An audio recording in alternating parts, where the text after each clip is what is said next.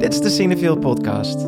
Iedere aflevering pakken we een nieuwe film waar wij bij Cinefiel niet over uitgepraat raken. En deze keer doen we dat net als de vorige keer met een speciale gast. We zitten bij ons op kantoor in de keuken, buiten fluiten de vogeltjes en bij ons zit Shady El Hams. Zijn debuutfilm De Libi is vanaf nu in Cinefiel te zien.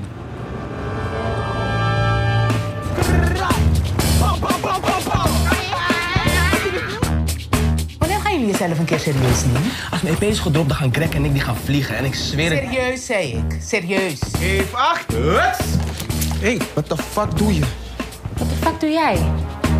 Wanneer ga ik je weer zien dan? Geef me je nummer. Hij is zanger, hè? Ik ben opkoming. Kom vanavond naar een Jimmy dan. De Libi gaat over Kev, Greg en Bilal. Drie brutale tieners die zich op het VMBO kapot vervelen. Maar dan hebben ze opeens een missie die belangrijker lijkt dan wat ook. Op straat raken ze in gesprek met een groepje meisjes. Die gaan die avond naar een optreden van Hef in de Jimmy Woo, vertellen ze. Wij ook, bluffen de jongens. Hef is toevallig een vriend van ze. Dat is hij natuurlijk helemaal niet. Bilal, Greg en Kev zijn nobodies. Jochies van 17 die de Jimmy Woo niet zomaar binnenkomen. Hoe gaan we ooit die Jimmy Woo binnenkomen? Hé, wat Kev. Luister dan, die brother van jou die kent eh, DJ Dex, toch? Kan hij lijst voor ons fixen bij de Jimmy? Maar bravoure hebben ze te over. Ze gaan de wereld veroveren. Te beginnen met de stad. Niet helpen, man. Oké, maar heb je die lijst gefixt zelf? Nee. Op zoek naar een gassenlijstplek bij de Jimmy gaan ze in hun Kanta op roadtrip door Amsterdam. Langs sekswerkers op de Wallen, trippende rijke luiskinderen in Zuid en Amerikaanse toeristen in hun Airbnb. De Libi is een ode aan Brani. Aan 17 zijn en scheid hebben, maar ondertussen ontploffen van ambitie. En het is een film over een veranderende stad. Want van wie is Amsterdam eigenlijk? Ik ben Erik Schumacher. En ik ben Lauren Murphy en wij zijn redacteuren van Cineville.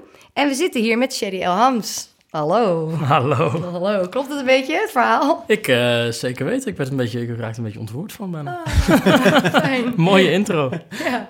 Ehm, nou, het is grappig, want ik heb dus eh, vanochtend voor het eerst een van jouw eerdere films gezien, pas. Ja, Nachtschade. ja. En de avond ervoor heb ik de Libi gezien. Toen dacht ik, wow. What happened? Echt, ja, wereld van verschil. Nachtschade is best wel zwaar. Ja, En de Libi is super luchtig. klopt. Dus hoe, eh, hoe heb je die stap gezet? Eh, dat zit alle twee in me, denk ik gewoon. Dat, ik bedoel, alle twee komen die films van een hele, hoe zeg je dat? Hele oorspronkelijke plek. En ze voelen alle twee ook, ook heel dichtbij. Dus het is helemaal niet het geval van... Het is helemaal geen geval van... eh, oh, eh, eh, we gaan het heel erg vanuit buiten, van buitenaf benaderen of zo. Dus alle twee kwamen echt heel erg van, binnen, van binnenuit. En ehm, ik had gewoon heel erg zin om te debuteren met iets heel lichts. En vol energie en, en over jong zijn. Nou, eigenlijk alles wat jullie net opnoemen, dat is gewoon, dat klopt allemaal helemaal.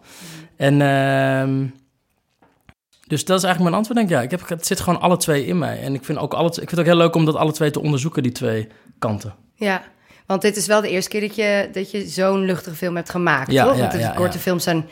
Ze hebben wel allemaal een beetje een soort rode draad. Ook vaak een jonger iemand of iemand die in ieder geval een soort van herontdekking met zichzelf krijgt... door een soort confrontatie met iemand anders. Ja. Ehm, maar hoe was dit, zeg maar, deze film begon die als van echt in dat, dat idee van ik wil gewoon super graag een happy verhaal vertellen. En waarom dan dit verhaal? Eh, nou, het begon inderdaad wel, ja. Het is interessant. Kijk, je bent natuurlijk als... Kijk, tien jaar geleden ging ik naar de filmacademie. En dan ben je natuurlijk vanaf dat moment ben je gewoon bezig met je eerste film. Van oké, wat wordt dat? En er zitten natuurlijk allemaal stappen tussen. Dus je gaat in de eerste instantie nadenken over... Je eindexamenfilm is heel belangrijk. De eerste films die je dan professioneel eh, na het afstuderen gaat maken zijn heel belangrijk. Maar dat lijken allemaal een soort hinkstapsprongen naar het uiteindelijke doel van die eh, eerste film. En eh, het klopt dat ik inderdaad heel vaak neigde naar wat zwaardere films. Omdat ook drama ook echt wel...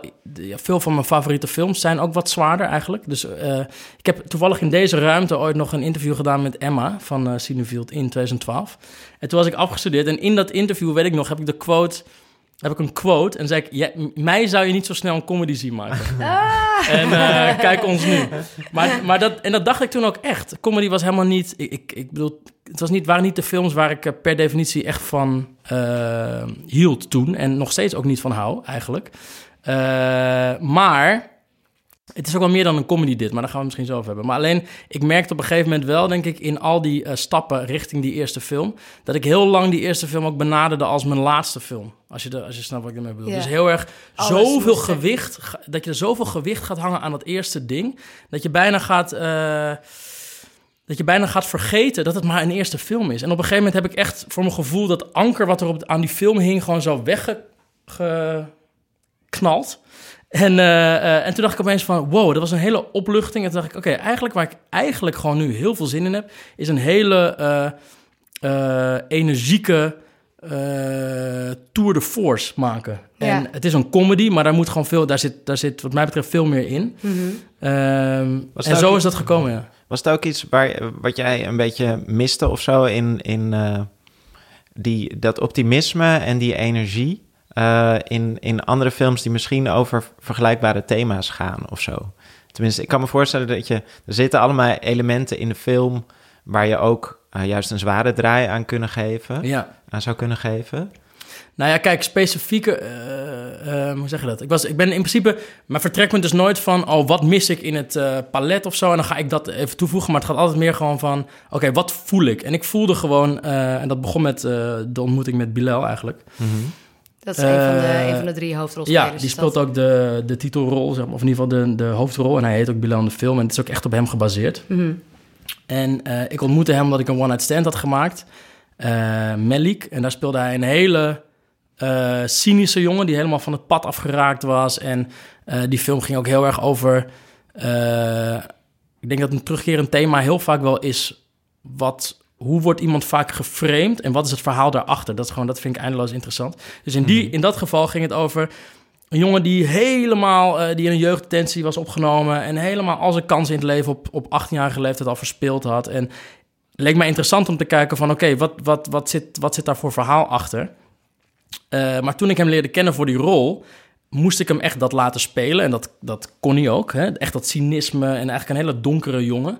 Want hij Maar is van het- zichzelf echt een soort van Hij is het balletje positieve energie lijkt En dat leerde ik toen ook. Ja. Dat, dat eh, de Bilal die hij is in het echte leven, die, eh, eh, die vond ik ook steeds interessanter worden. En die, hij stak mij echt aan. Het, zo voelt het echt. En hij wakkerde ook heel erg dat gevoel wat ik ook wel ken. Gewoon van dat jong zijn en ambitie hebben. En dat past ook, vind ik, uiteindelijk heel mooi bij, bij mij en mijn eerste film. Weet je wel? Ik, bedoel, Ja. ik wil ook de wereld veroveren. Ja. Ja, Eh, op een bepaalde manier. En ehm, eh, dus daar, ik ging daar heel erg van aan. En toen, ik was me eigenlijk met een heel eh, veel zwaarder plan bezig.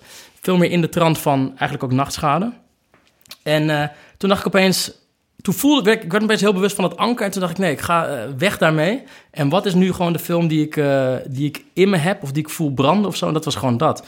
En eh, toen ben ik wel met Jeroen en Guusje, zelfde team... Guusje de, van Deuren, de producent, en Jeroen Schotten van Aschat eh, schrijven. Mhm. Zijn we met hetzelfde team als Nachtschade zijn we dit gaan doen. En dit heeft een hele andere kleur, maar net zo goed helemaal van ons. en voelde het ook een beetje als een soort, eh, een soort droom of zo. Van ik wil gewoon al die positieve energie in een verhaal stoppen... wat, wat, wat gewoon helemaal goed is en goed afloopt. En Ja, ik denk het wel. Ja, Ja. ik wilde gewoon heel graag iets positiefs. En, en weer terug naar Bilal's rol in Melik. Ik wilde toen ook iets laten zien over hè, jongens die opgroeien in een hè, eh, multiculturele samenleving. En wordt er wel naar ze omgekeken, ja of nee? Is het wel zo gek dat heel veel jongens een negatief pad kiezen? Ik vond het eigenlijk helemaal niet zo heel raar. Als je daar gewoon volgens mij objectief naar kijkt, dan zijn er echt wel heel duidelijke eh, aanwijzingen voor. Waarom dat zo vaak gebeurt. Maar het gebeurt natuurlijk, het gebeurt vaak, maar het gebeurt nog veel vaker helemaal niet. En eigenlijk begon ik dat steeds interessanter te vinden, ook in die hele discussie. Van het is eigenlijk, vond ik het van mezelf ook vrij makkelijk dat je eerst uitkomt bij het negatieve verhaal. En daar gaat het natuurlijk heel vaak over. Eh, maar mede door Bilal begon ik opeens te zien van, wacht even, er is ook, er is zoveel positiviteit en dat is toch veel interessanter.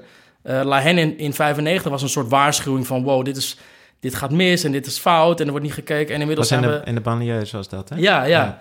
En inmiddels zijn we zoveel jaar verder en denk ik dat die film is nog steeds actueel, helaas. Maar tegelijkertijd denk ik dat we ook heel erg gebaat zijn bij positiviteit. En eh, eh, bij, bij, bij dat je gewoon op een positieve manier bij de jongens eh, komt in de Libidan. En dat je ook de univers, het universele gaat zien van, ja, ja, van eh, wat zij zijn. ja. Ja, ja. Want dat gevoel had ik had bij die film ook. ehm, er, zitten, er zitten wel heel veel verwijzingen naar hun, hun achtergrond. En op een gegeven moment zijn ze in Amsterdam-Zuid. En dan zegt iemand van, hij zit naar die scooter te kijken. Hè? Dus ze zitten wel, er zit, de hele film zit op zich ook wel vol met dat soort verwijzingen. Maar ik vond er ook heel veel in zitten waar ik ook mezelf heel erg in herkende. Van dat soort 16 jaar en Ja. fuck it, weet je, we gaan gewoon één Ja. je hebt één dag Ja. en je gaat spijbelen en dat is gewoon het, dat is het einde. Wat ga je doen met dat uur? Weet je, in dit geval is het dan een dag. Ja, en van die kleine Die dingen die zo belangrijk kunnen zijn. Zoals, zoals in de film, zo van de Jimmy binnenkomen. En op Ja. die leeftijd is dat gewoon, dan gewoon je missie van de dag. Ja, en ja, ja. eigenlijk is dat gewoon de hele wereld. Ja. Gewoon. Ja, en iedereen kent toch wel, ook van onze leeftijd, of 20, 20ers, 30ers, of eh, waarschijnlijk alles daarboven ook nog. Maar iedereen kan zich toch nog wel die ene dag herinneren, weet je wel, in de zomer. eh, dat je niet sliep en dat je gewoon een soort van, dat, dat de hele 24 uur lang gewoon avontuur.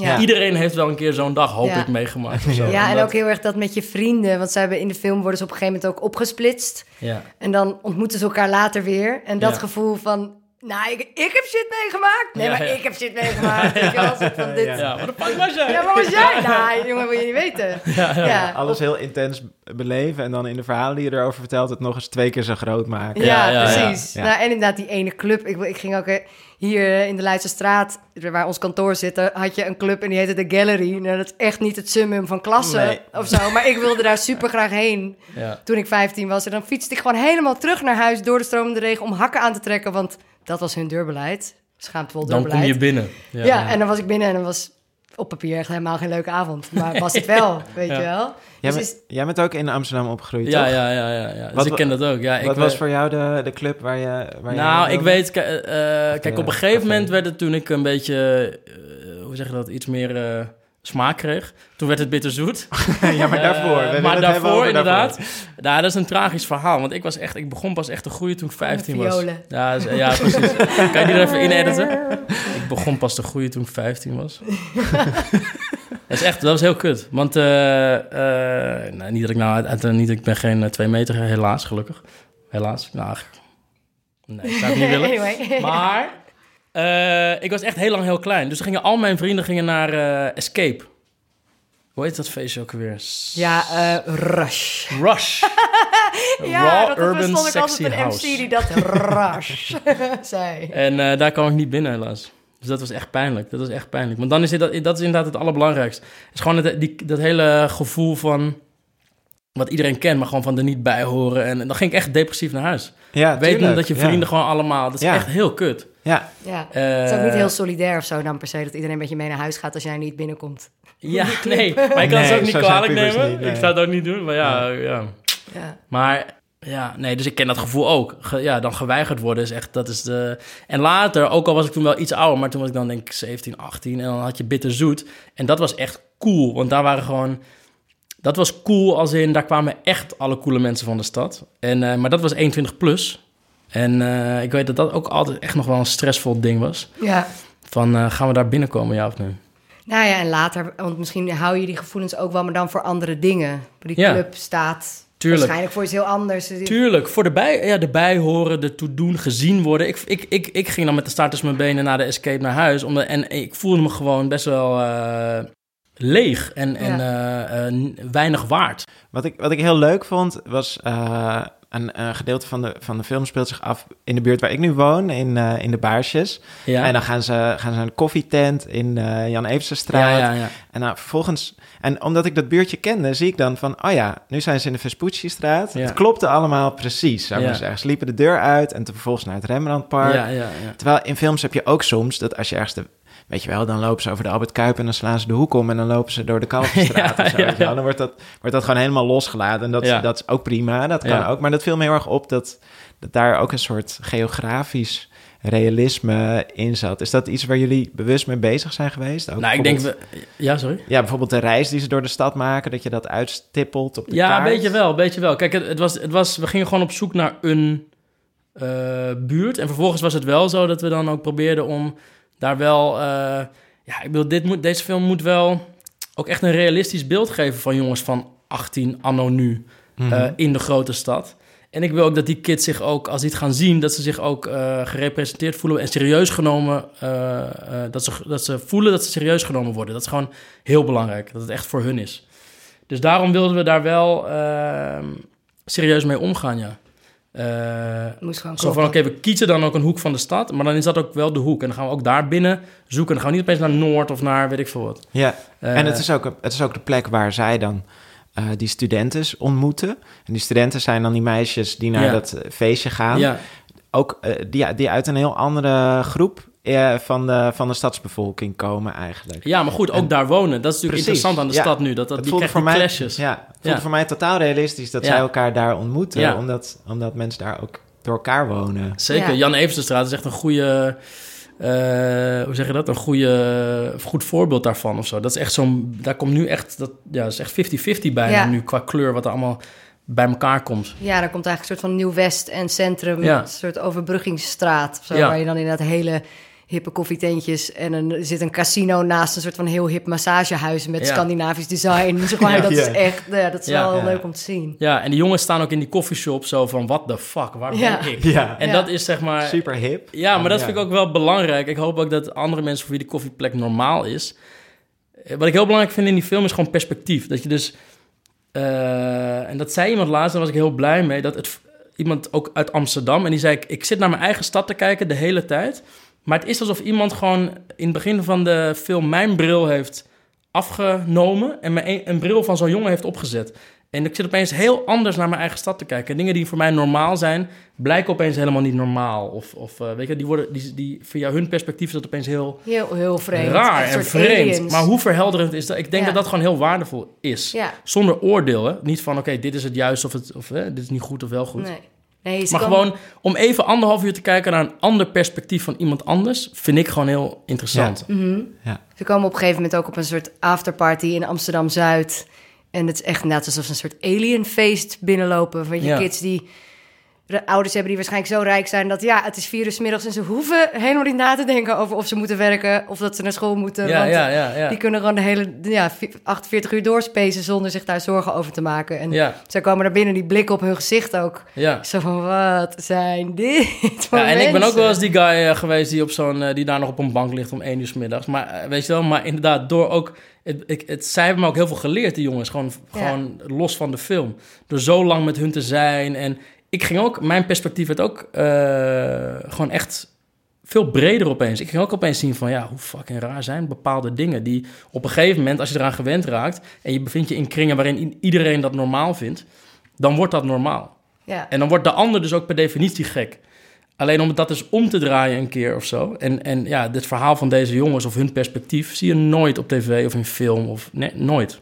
Dus heel veel van de dingen die erin zitten, want het speelt ook een beetje met stereotypen van waar ze vandaan komen. Of zijn die, zijn die dan bewust erin gezet om.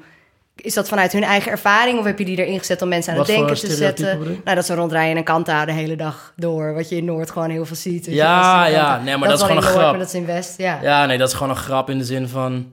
Ja, ik kon me gewoon perfect voorstellen bij Bilal op een gegeven moment... dat hij gewoon zo'n kanta ergens eh, op de kop tikt of van iemand, En weet je En dat, die, en zo dat dat gewoon zo waggy is, ja. Ja. Ja, ik was meer Dus- inderdaad benieuwd van welk deel hun eigen... Ik kwam voor dat je best wel wat research hebt gedaan, inderdaad ook met hun... en ook de manier waarop ze praten. Ja, Weet je wel, dat het heel erg een soort samenwerking is van scenarist, jij en de, en de boys die daar zelf ook... ja nee, de, in de, Ehm. nee, zeker, zeker. Nee, ik, ik kende gewoon Bilal op een gegeven moment al best wel lang. En ik Mm. heb gewoon heel veel tijd met hem doorgebracht. En eh, dus research, ja, was gewoon eh, in de zin van... ehm, ja, hoe zeg je dat? Echt gewoon tijd met hem doorbrengen. En heel veel van zijn verhaal... Nou, gewoon chillen. Gewoon, eh, nee, niks bijzonders. Gewoon, eh, gewoon, eh, gewoon tijd doorbrengen. Gewoon eh, koffie drinken. Wat ik gewoon met mijn andere vrienden ook doe. Koffie Ja. drinken of eh, wandeling maken of dat. Ja. En gewoon praten. En ik bedoel, ja... eh, hij laat zich makkelijk kennen. Of zo, snap je wat ik bedoel? Het is een jongen die gewoon... Ja, zijn hart ligt op zijn tong en alles komt eruit. Dus het is niet alsof je een soort eh, meester eh, interview hoeft te zijn om daar van alles uit los te weken. Of weet je, dat komt. En wij konden het gewoon echt, kijk, dat is wel oprecht zo. En anders had ik deze film natuurlijk ook nooit gemaakt. Wij klikten echt. Er was gewoon een soort oprecht iets tussen ons. Wat, wat eh, ik ben blij dat er nog steeds is, want dat is, filmmaker kent ook veel hobbels. En, maar dat is er nog steeds. Wij, wij- er is gewoon iets tussen ons waarvan we altijd heel erg aangaan. En dat was er gewoon echt letterlijk vanaf de casting voor die eerste film. Ik weet dat hij kwam binnenlopen en ik meteen dacht van, oh ja, deze gast voel ik wel. Ja, die energie voel je ook wel echt Ja. in de film, denk ik.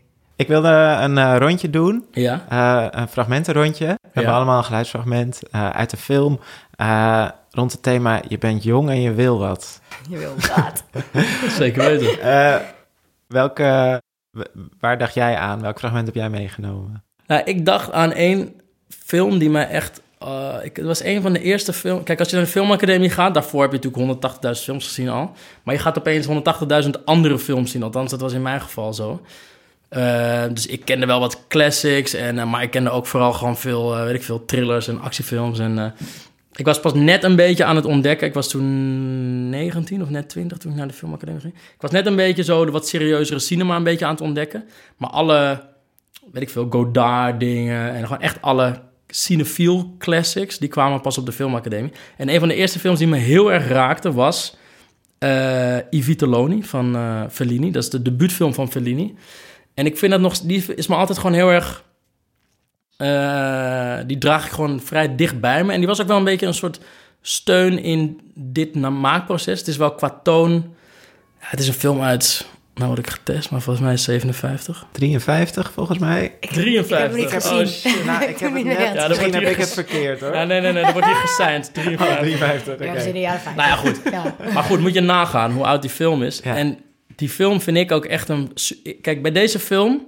Ja, we keken ook naar eh, gewoon klassieke Amerikaanse dingen... maar we zochten gewoon de hele tijd het midden op. Dus we keken dan... Ik kan me ook echt dagen herinneren dat we een beetje zo aan het schrijven... aan het brainstormen waren. Dan keken we en eh Ferris Bueller's Day Off of American Graffiti... maar we keken ook I Vitelloni bijvoorbeeld. En die film gaat over... Het is best wel eh eh, autobiografisch verhaal. Het gaat over Rimini. Het speelt in Rimini, waar Fellini ook vandaan komt. En het gaat over twintigers. Jongen, volgens mij zijn ze allemaal zo net twintig. En het voelt het is heel erg dat titaantjesgevoel eh, van Neschio. Gewoon het klassieke, we willen de wereld veroveren en grote praatjes.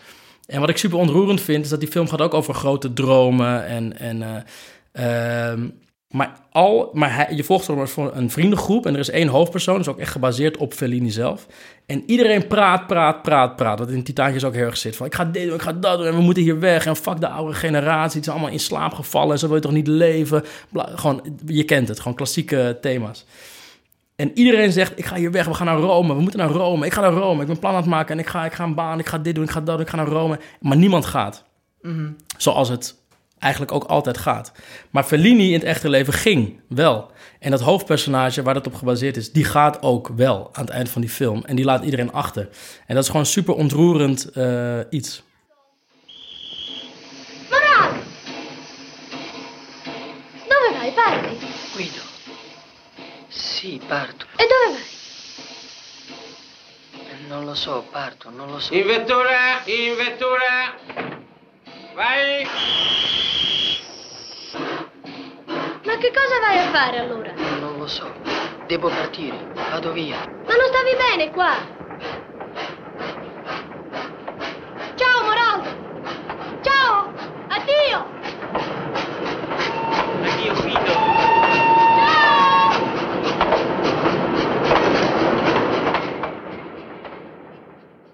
Ja, oké. En je beste Italiaans, wat gebeurt er?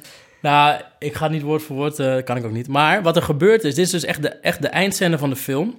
En je hebt die jongens dus eh, anderhalf uur lang gevolgd met al die praatjes waar ik het net over had in dat dorp.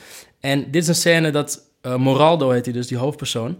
Die heeft dus eigenlijk zonder iemand iets te vertellen, heeft hij zich helemaal losgemaakt. En dat proces zie je zo door die film heen. Maar hij vertelt het eigenlijk, hij is tegen niemand eerlijk. En eh, tijdens een soort nachtelijke dwaling, waarin hij aan het, eh, beetje aan het reflecteren is over van wat moet ik nou, komt hij een jongetje tegen in de stad. Dat is de eerste tegen wie hij eerlijk vertelt over wat hij wil. En dan als kijker ga je ook voelen van, oh hij meent het eigenlijk echt. Waar iedereen praatjes heeft, meent hij het echt. En ehm, dan staat hij op het station hier, zonder iemand iets verteld te hebben, te wachten op zijn trein. En dan komt dat jongetje eh, langs. En die zegt tegen hem van, wat ga je doen en waar ga je heen en zo. En dan zegt hij van, eh, ik, moet, ik ga naar Rome en eh, ik weet het niet, en, eh, maar ik moet weg, ik moet weg. En, dan hebben zo'n soort, en dan zegt dat jongetje eigenlijk alleen maar gewoon succes en veel plezier. En dan heb je een heel mooi shot. Die trein gaat dan natuurlijk weg. Je hoort die conducteur ook, die zegt van kom, kom, kom, we moeten weg. En dan rijdt die trein zo weg en dan staat hij toch in die deur. En dat jongetje dat rent zo na en dat zwaait hem na en zegt succes en veel plezier. Dat is gewoon super ontroerend. En je voelt natuurlijk ook bij die acteur van, hij, ja, dat, en dat gevoel ken ik ook wel, denk ik, of zo. Maar de- gewoon zo dat weggaan en, en voelen van hoe, hoeveel pijn dat ook doet. Maar je moet je wel losmaken gewoon voor jezelf en Je voor, je, ja. voor je eigen Je moet. ontwikkeling. Als je echt iets wil, moet je zo'n stap maken. Hoeveel moeite en pijn dat ook eh, doet. En er zit dus een van de, vind ik, een van, in de historie van cinema, een van de mooiste vondsten in. Dan, je hoort het geluid van die trein en hij staat in die deuropening en heeft Fellini dus shots gemaakt op een rijder. Dus zo- zo'n camera die rijdt dan op zo'n rails. Dat is gewoon een cameratechniek. Maar dan heeft hij dus shots waarin die camera rijdt. En dan zie je dus bijvoorbeeld zijn ouders in bed liggen, slapen. En dat geluid van die trein, die, die, die blijft. En die camera die rijdt dan opeens gewoon in een shot langs die eh, vader en moeder. En die rijdt opeens langs vrienden. Dus hij rijdt bij hun allemaal weg. Fucking mooi. Ja. Lauren, wel, welk Ik heb hem niet gezien, maar ik moet hem nu toch Ja, echt, echt op mijn lijstje gaan zetten, verdorie. Ja. ja, ik heb een fragment gekozen uit een film die nog uit moet komen. Die komt in september volgens mij uit.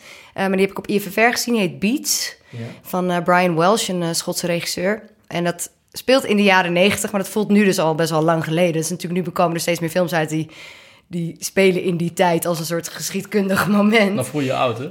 Wow, ook dat. Nou, ik was toen ook wel echt te klein om dit mee te maken waar deze film over gaat. Want het gaat over eh, de opkomst van de, van de house scene in Engeland. En hoe, ze, de, hoe de volwassenen toen zo bang waren van het idee van die kids die allemaal in grote getalen samenkwamen in warehouses en Ja, naar ja. gekke muziek luisterden. En misschien zich ook wel konden gaan uniten, weet je wel. Het was een soort punk eigenlijk voor hun. En zo had ik, ik denk dat ook in onze, in onze tijd is housemuziek dat iets minder geworden. Weet je, het is natuurlijk naar binnen gegaan voor een groot deel, ook naar de clubs. Het is meer geïnstitutionaliseerd. En toen was het echt een middelvinger naar je ouders met name. Ehm, en toen heeft, dus de, de Schotse regering een soort belachelijke wet in het leven geroepen. Waarin, en dan ga ik het even oplezen, maar eh, er werd verboden: gatherings eh, around music wholly or predominantly characterized by the emission of a succession of repetitive beats. Dus eigenlijk, daar zat dus in. En je mocht niet naar muziek luisteren die zoveel beats had. En je mocht niet met z'n allen op een openbare plek Ja, ja, ja. samenkomen. Wat natuurlijk heel erg onderdrukkend was. Ehm, en mensen gingen toen hele grappige dingen doen. Want dan gingen ze dus ook weet je, muziek maken die dan net niet repetitive was. Ja. Zodat ze die Ja, wel ja. mochten draaien. En je kreeg allemaal eh, underground radiostations. Ja. En deze film gaat over twee jongens die in een buitenwijk van Glasgow hebben gehoord dat er dus een van de, de laatste illegale raves, weet je wel. En het was dus ook echt een statement om daar dan naartoe te gaan met deze wet, die daar per se naartoe willen. Ja. En de hele film gaat daarover. Die bewegen toe naar dat ze naar dat feest gaan. Geïnspireerd op de Libië is dat. Geïnspireerd door Libby, precies. Ehm, maar het, is, het gaat natuurlijk ook over hun vriendschap. En de een komt uit een, eh, een, ehm, een eh, middenklasse gezin, een ander uit een arbeidersgezin. En al die dingen spelen mee. En ik vond het echt heel erg mooi en puur. Echt een tijdsbeeld. What's he on about? He's gone out. Is that party? No, for you, wee man. Hey, come back to us when your balls have dropped there. Oh, come on, tell me. What? Hey. Yeah. Eh, yeah. You're Wendy. What's happening tonight then, cuz? Nothing, wee man. Just got a mind. Get a Chinese, watch telly. We come with us. What's your problem, you wee creep? Het is bijna, bijna net zo onverstaanbaar als Italiaans verder. Ehm, ja, zoals je hoort trouwens, is het niet alleen maar house, maar ook andere soorten elektronische muziek die toen eh, Ja. opkwamen. Eh, en die hele ravecultuur.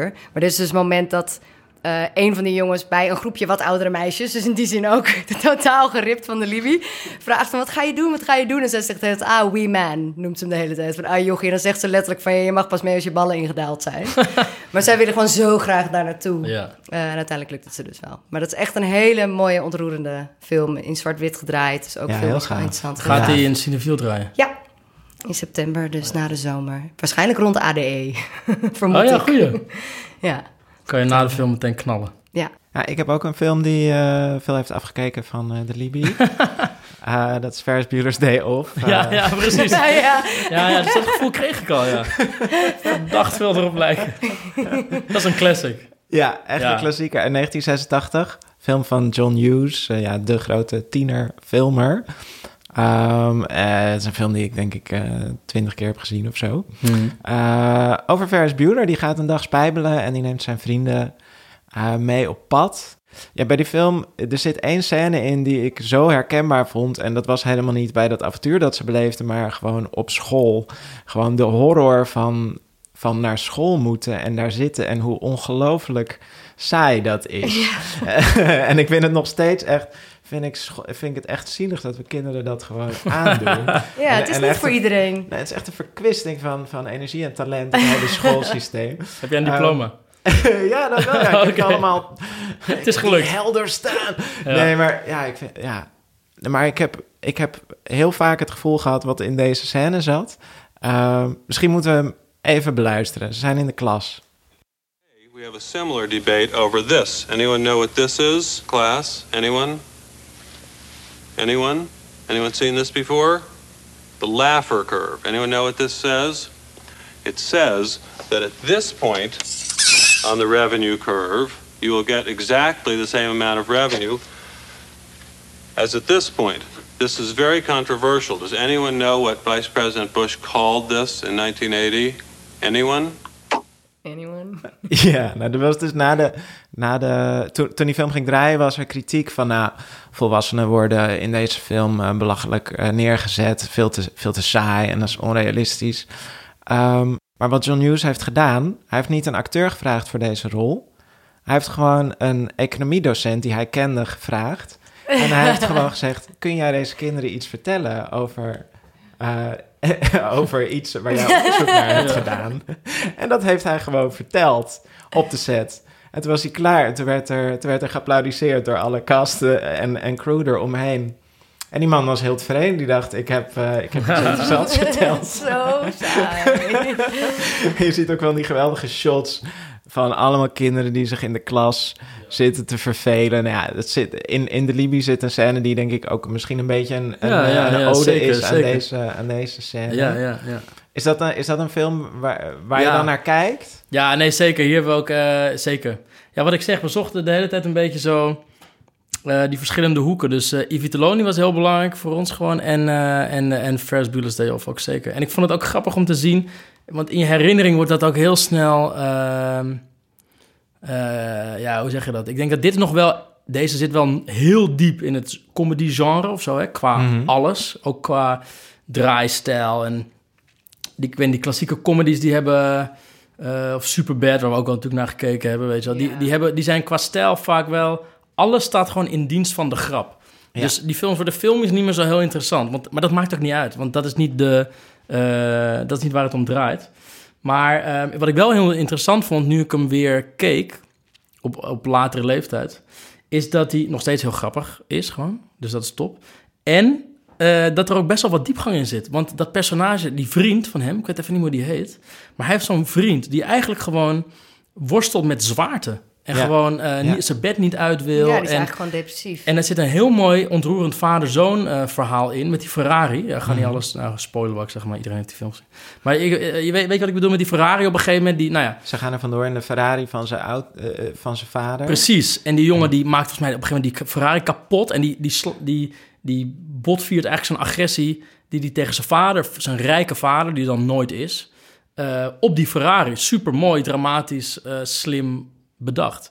Dus ik vond het ook heel leuk om te zien. Dat je dus als je dat soort films weer gaat kijken, dat het vaak... Het is niet toeval dat, dat de goede de goede zijn. Snap je wat ik bedoel? Die, die zijn vaak zo gelaagd Ja. dat ze op heel veel niveaus eh, werken. En dus Mhm. ook tijdloos blijven eigenlijk. Ja, en dat het eigenlijk alles wat er in zo'n film gebeurt... staat ook in het teken van die springplank tussen jong, Ja. jong volwassen... en Ja. het volgende stap naar het leven. Ik bedoel, dat zie je bij deze jongens. In jouw film zit dat ook. Weet je wel, dat ze van... oké, wat, is, wat is er na de middelbare school? En moeten Ja. die examens halen, maar de een gaat misschien wel deze kant op. Dus je weet Ja. ook, ook die vriendschap is een beetje onzeker. Of Ja, zo. Ja, heel van die films ook. En dat herken ik ook wel, dat gevoel van... shit, Ja. ja. we zijn nu beste vrienden... maar wat gebeurt er als iemand naar een andere stad gaat... Of de een gaat wel studeren en de ander niet... Of, Ja, die punten tussen bepaalde ho- levenshoofdstukken zijn altijd gewoon natuurlijk ook voor drama en film super interessant. Ja. Dus het een, de afsluiting van het een en het begin van het volgende. En dat is Ja. natuurlijk bijna letterlijk waar, waar, die dag bij ons ook over gaat. Weet je wel? Wat gaat Greg doen? Wat gaat Bilo doen Mm. na de zomer? Weet je wel? Dat, eh, ja, dat, het, eh, het naderende eind van vriendschap, van jong zijn, van school, van... En wat komt er allemaal? Dat is natuurlijk een heel lekker gevoel, maar ook altijd heel spannend. Ja, maar dat maakt ook wel een andere film dan, dan sommige andere Nederlandse comedies. We willen niet allemaal over één kam scheren, maar daar gaat het soms ook heel erg over de, de grap. Ja, zeker. En dan En, wordt het eh, vrij snel vrij plat. En dat vond ik de Libby helemaal niet. En hoe hebben jullie dat... Nee. eh, je hebt dus geen comedy geschreven? hiervoor, Nou ja, maar- nee, ja, dat is wel interessant. Want ik, ik weet nog wel één... eh, je hebt natuurlijk in zo'n heel proces... Eh, ik bedoel, ik had echt wel, ik ging vol vertrouwen dit hele, deze film, zeg maar, het maken ervan gewoon tegemoet.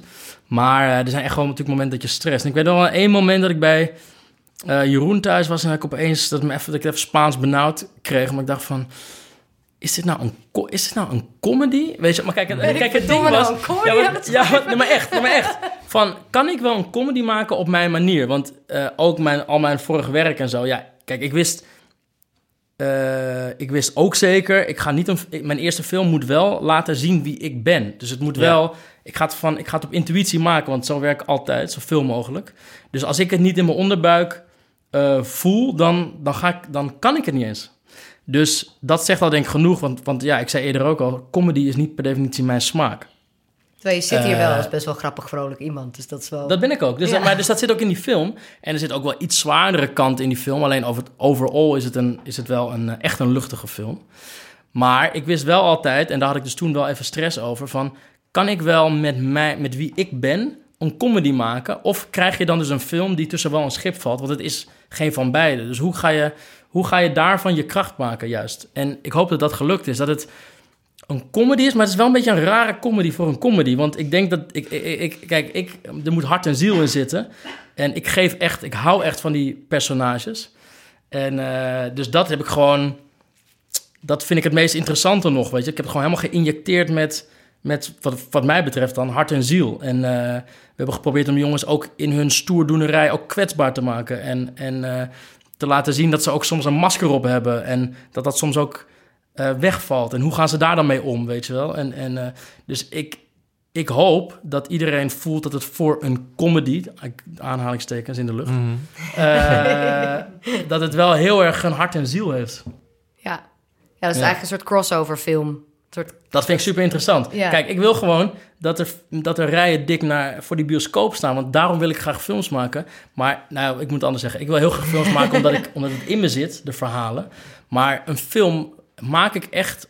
eh, ik ga die film nooit meer zien, hoop ik, na morgen. Ik heb morgen trouwens première, daar gaan we het zo over hebben. maar ik ga hopelijk na morgen, is mijn doel dat ik die film... Ik hoef die film nooit meer te zien. Dus ik maak het wel voor mezelf. Maar vind ik altijd een beetje een moeilijke uitspraak. Hè? Voor wie maak je dat? Ik maak het voor mezelf omdat het in mij zit en het moet eruit. Maar vervolgens maak ik het zodat er mensen naartoe gaan. En, en ik hou van verhalen en ik wil graag een verhaal vertellen. Ik wil wel dat iemand luistert als ik een verhaal vertel. Ja. Ik ga niet thuis in mijn eentje. Snap je? Ja, maar Dus- mensen hebben zoveel moeite met, met films die niet helemaal... of met, überhaupt met dingen die niet helemaal in een hokje te stoppen zijn. Dus films ook niet. Ja. Weet je, van, is het nou een comedy? Is het nou een arthouse, super indie film? En het zit Ja. er eigenlijk een beetje tussenin. Ja, maar is ik het een hou film alleen maar voor Amsterdammers? Want dat is Ja. het volgens mij niet. Ja. Het, zit, het is wel misschien nog extra leuk voor Ja. Amsterdammers. Nee, die, daar kom ik ook altijd. Maar het zit, ja, mensen... Ja, nee, maar het gaat in principe gewoon over Ja. jonge jongens in een grote stad, volgens Ja. mij. Ja. Ja. Ja. Maar nee, ik, maar ik vind dat interessant. En inderdaad, die discussie, ja, dat hoor, hoor je heel vaak. Kijk, ik weet het niet. U moet volgens mij... ehm, ja, en elke film is anders. Er is niet één formule dat je denkt van... oh, ik ga het zo en zo shapen en dan, dan wordt het een crossover film. Nee, wat ik wel interessant vind is spelen met genre. Dus wij hebben wel inderdaad genre-elementen eh, geleend en gebruikt. En we hebben dat, zoals zo die het tripscène. Daar hebben we het trouwens nog helemaal niet over gehad. Kunnen we dat nog even doen? Er zit een hele goede trip Ja. ja. Volgens mij moet je er niet meer over willen Nee, zeggen. nou hoop ik toch. Denk het ook. Maar die is wel echt het. Ja, die werkt vooral in de bioscoop ook heel lekker. Ja. Ben je in je hoofd al verder aan het denken van, eh, naar, eh, zit je al in een volgend project en, en eh, ga je, wil je dan weer meer drama onderzoeken of heb je het nu gevonden in, in comedy? Nee, ik wil heel graag... Ik denk ook altijd dat het, het, het ene is weer een anti-reactie op het andere of zo. Ja. Snap je? Van, ik heb tot nu toe inderdaad heel veel wat zwaardere dingen. Ook, ik had ook één jaar dat ik twee korte films en een one-night stand maakte. Die waren allemaal wat zwaarder van toon. Ja, op een gegeven moment heb je ook weer zin in iets anders. En eh, het is niet als met een schilderij dat je dat binnen, weet je, in relatief korte tijd kan maken en door kan. Dus die turnover duurt heel lang. Dus ik heb nu ook echt weer zin om Een eh, iets anders te maken. Nee, hoor. maar wat ik... eh, nee, dus ik denk wel dat ik... Ik, ik heb heel veel zin om iets ehm serieuzers te maken. En het voelt ook een beetje alsof deze film, die kwam gewoon. Snap je? Dus, en dat vind ik heel interessant. Ergens eh, wil ik dat ook wel een beetje zo houden. Dat... dat je kan heel erg op zoek gaan naar een film. Snap je wat ik bedoel? Of een boek, of een nieuw album, of wat je ook doet. Maar of je, je, je kan ook eh, een beetje zaadjes eh, spitten, wel een beetje zo. Of laten groeien zo en kijken wat allemaal gebeurt. Een beetje uitstrooien en dingen, boeken lezen en dingen. Maar op een gegeven moment komt er denk ik iets. Dat vind ik heel interessant. En dat is nog niet 100%, maar ik ben wel met... met ja, ik ben wel een soort van... met ideeën bezig. En het, eh, het wordt denk ik wel iets serieuzer van toon. Het wordt niet weer een comedy. Maar ik wil wel weer op zoek naar dat midden. Ik, wil wel, ik vind het wel super interessant om te zoeken naar... hoe kan ik een goed verhaal vertellen? Echt een verhaal wat je wil zien of zo. Ik hou daarvan. En, eh, maar dan wel met een iets andere toon. Mhm. Nou, cool. Er komen de komende tijd volgens mij ook wel een paar soort van leuke genre mixes uit. Dus misschien moeten we afsluiten met een soort rondje waar we zin in hebben de komende tijd. Ja.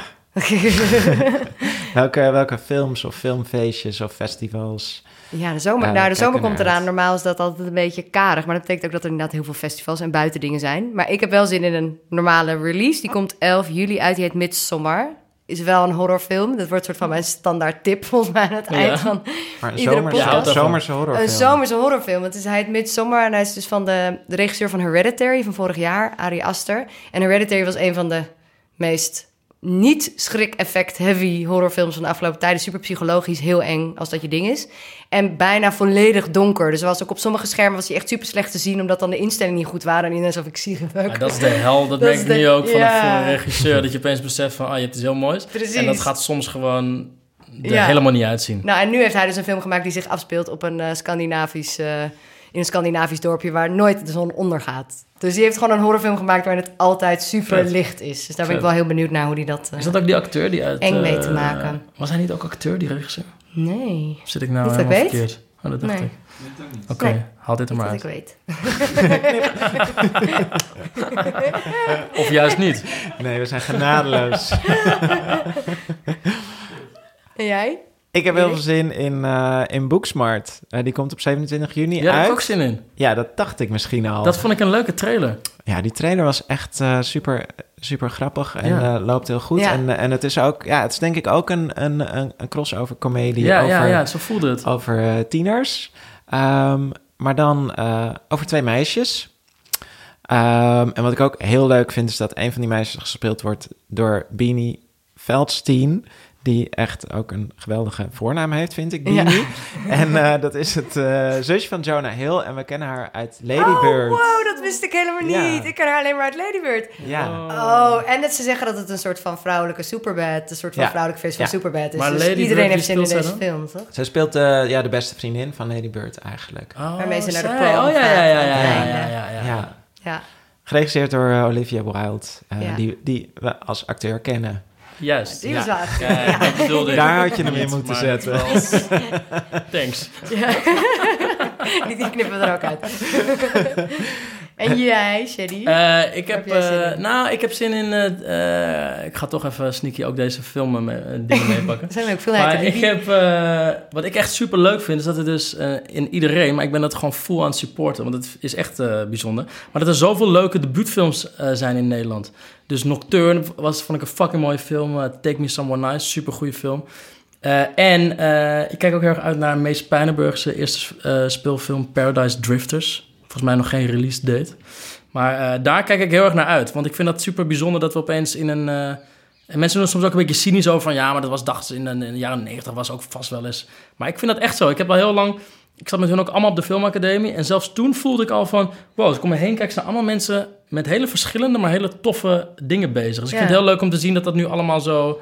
eh, en dat we, de, de fijne idee dat we hopelijk allemaal 70 worden en films blijven maken. Dus dat we daar gewoon komende jaren heel van gaan horen. Dus dat support ik volledig. Moeten, en jullie, moeten jullie niet met z'n allen een manifest schrijven? en doe maar hele andere dingen natuurlijk. Dat denk ik ook. Nee, dat denk ik. Nee, ik denk juist allemaal lekker in je eigen hoek blijven, maar dat dan helemaal daar helemaal in eh, floreren. Ja, cool. Ehm, en ik, eh, ja, nee, en ik, eh, ja, alles wat ik doe staat nu in, staat in het thema van mijn première morgenavond. Eh, half acht in Tuschinski. Dat is heel spannend. Dus Ja. ik heb vandaag een schoenen gekocht. Die ga ik Heb je al een inlopen. pak? Dat is een belangrijke Ik vraag heb voor een deze pak. film. Ja, maar ik ga, ik niet, ja, ik ga niet spoilen. Maar, Nee, ik, maar ik durf wel te zeggen, met dank aan Bilal Wahib, die heeft mij even een, eh een, een pakkensponsor eh gefixt, de fixen. Maar ik heb echt een pak waar ik heel blij mee ben, ja. Cool. En gaan jullie daarna met dat pak, in dat pak naar de Jimmy? Als ik binnenkom. Nou. Ik ben nog nooit in de Jimmy binnengekomen. kom, kom, kom, kom, kom. Zet je op de lijst. Ja, we gaan, we gaan mee. ja. Hey, Sadie, superleuk eh, dat je er was hier. Heel veel plezier morgen. Dank Succes eh, met je film. Jullie ook bedankt. Thank you.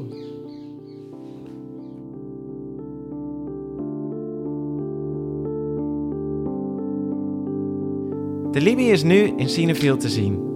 Dit was de podcast voor deze keer. Bedankt voor het luisteren. Als je wilt terugpraten, kun je mailen naar podcast.cinefiel.nl. En je kunt ook altijd een review of een rating achterlaten. Dan help je ons ook nog eens om andere filmliefhebbers te bereiken. Bedankt Maan Milker, onze podcastredacteur, en Lieke Malkoor van Dag en Nacht Media.